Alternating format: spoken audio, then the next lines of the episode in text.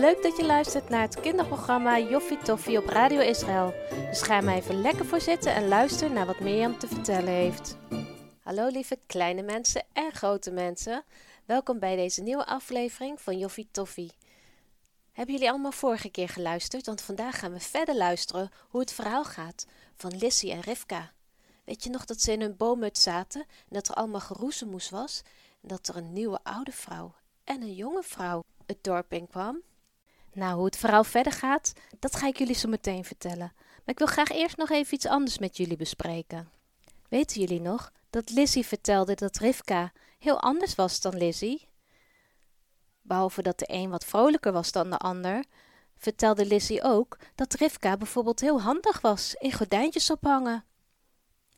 Lizzie had altijd leuke ideeën, maar Rivka wist hoe je ze uit moest voeren. En ik vond het nou zo leuk om te lezen, want ik dacht van ja, zo is het ook. Wij zijn allemaal anders. En de een kan dit beter en de andere kan dat beter. Maar dat maakt helemaal niet dat de een beter is dan de ander. De een kan dit en de ander kan dat. En samen kunnen ze een heleboel. En dat is nou juist zo leuk. En dat is ook het leuke van vriendschappen. Juist als je mensen kent en vrienden bent met iemand die eigenlijk heel anders is, dan kunnen jullie samen heel veel doen. Het is wel belangrijk dat je dan goed blijft praten met elkaar en goed overlegt en er geen ruzie over maakt. Maar als je dat blijft doen, dan weet ik zeker dat jullie de leukste tijd met elkaar gaan hebben. En dat jullie, net als Rivka en Lizzie, onwijs coole boomhutten kunnen maken en allerlei avonturen kunnen beleven. Nou, zullen we maar gaan luisteren hoe het verhaal verder gaat? Kom, we gaan kijken, roept Lizzie. Snel klimmen de meiden uit de boomhut en volgen het groepje mensen op straat wat steeds groter wordt. Ze proberen samen tussen de mensen door te dringen tot ze vlak bij de vrouwen zijn. Ze zien hoe de oudste vrouw enthousiast wordt omhelst door andere vrouwen. Naomi, zegt deze vrouw, wat ben ik blij dat je weer terug bij ons bent. Ik dacht dat je nooit meer terug zou komen. Hoe gaat het met je? De oude vrouw antwoordt, nou, noem mij maar niet meer Naomi. Noem mij maar Mara.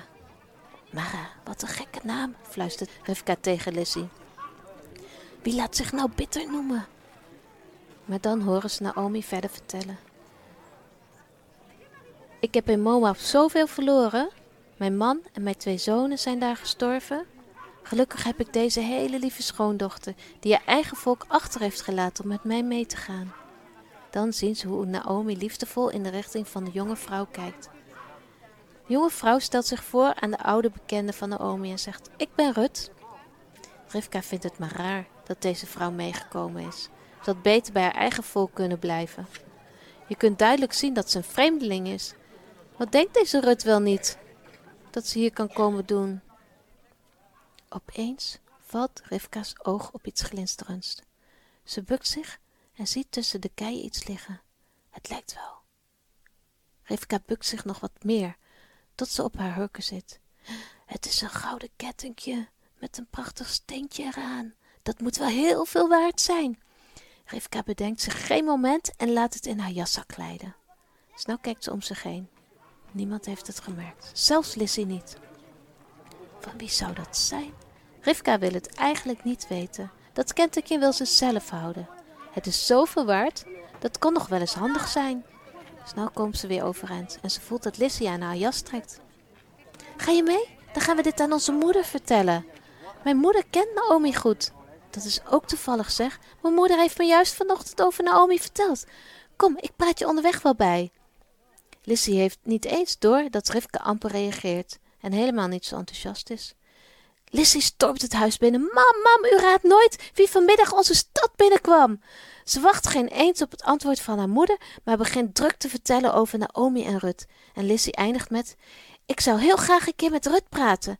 Ik vind het echt zo dapper dat ze helemaal hierheen wilde verhuizen. Rivka staat er een beetje geërgerd bij te kijken. Ze had het kunnen weten. Lissy vindt die Rut natuurlijk helemaal geweldig. Nou, daar denkt zij wel anders over. Rut is niet de enige die dapper is hoor. Wat dacht je van haar moeder en zijzelf? Ik vind het juist raar dat ze bij ons wil komen wonen. Ze hoort helemaal niet bij ons, valt Rivka ineens uit. Lissy staat even perplex. Maar dan wordt ze zowaar een beetje boos. Waarom zou ze niet bij ons mogen horen? Ze heeft hier toch niks? Geen akker, geen eten, antwoordt Rivka. Straks gaat ze net als wij morgen koren rapen. Met een beetje pech raapt ze alles voor ons weg. Nou, ik snap jou echt niet hoor. Het hoort toch bij het feest dat je met elkaar deelt? Het is trouwens een gebod dat arme mensen en vreemdelingen de restjes koren op het land mogen oprapen. Ga jij het nou opnemen voor een vreemdeling? Wat ben jij voor een vriendin? zegt Rivka, echt boos nu. Ze draait zich om en loopt naar huis. De volgende dagen spreken Rivka en Lissy elkaar amper. Rivka heeft er ook geen tijd voor. Ze gaat met haar moeder mee om koren te rapen. God had ingesteld dat alle boeren het koren aan de randen van hun velden zouden laten staan voor arme mensen.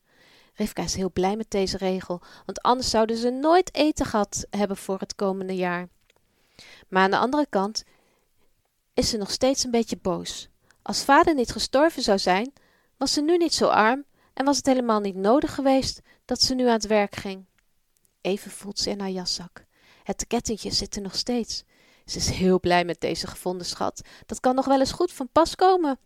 Maar ergens diep van binnen voelt ze zich ook schuldig. Het is niet van haar en misschien is er wel iemand naar op zoek. Die gedachte stopt ze snel weer weg.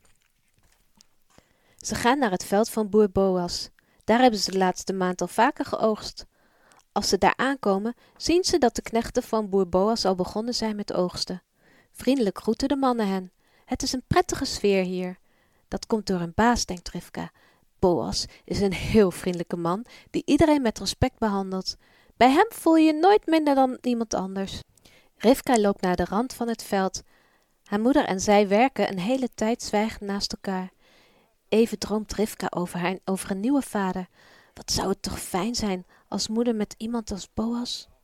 Dan ziet Rivka van uit haar ooghoek ineens een paar knechten stoppen met werken. Ze kijken allemaal dezelfde kant op. Blijkbaar komt er iemand belangrijks aan. Maar dan ziet Rivka tot haar grote ergernis wie het is. Het is Rut! Zie je wel, ze wist het wel. Rut komt hier haar plekje inpikken. Blijkbaar vinden de knechten dat niet erg. Een van de knechten loopt Rut tegemoet. Hij praat even met Rut en dan wijst hij haar een plekje aan waar ze koren kan gaan rapen. Kijk, daar komt Boas aan. Rivka geeft haar moeder een klein stootje. Ik ben benieuwd wat hij ervan vindt dat deze vreemde vrouw ineens op zijn veld werkt. Zie je wel, Boas is druk aan het praten met een van zijn knechten en ze wijzen naar Rut. Rivka, werk je een beetje door? Maar Rivka hoort het amper. Jawel hoor, Boas gaat nu naar Rut toe. Nu zal ze vast wel een standje krijgen van Boas. Ze heeft hem niet eens om toestemming gevraagd tenslotte. Rivka hoopt eigenlijk dat Rut eens goed aangesproken wordt. Boas komt nog steeds dichterbij en Rivka houdt haar adem in. Zo, dat is spannend. Wat denken jullie? Zal Boas boos worden? Of zal er iets anders gebeuren? Hoe het verder gaat, zal ik volgende week vertellen. Maar ik ben eigenlijk wel benieuwd of jullie misschien nog vragen hebben of iets te vertellen over dit radioprogramma. Stuur me dan zeker een e-mailtje. Dat zou ik echt hartstikke leuk vinden. En misschien kan ik je vraag of opmerking wel gewoon op de radio bespreken. Dat zou ik hartstikke leuk vinden, maar voor nu, tot volgende week. Dit was Joffie Toffie, het kinderprogramma van Radio Israël.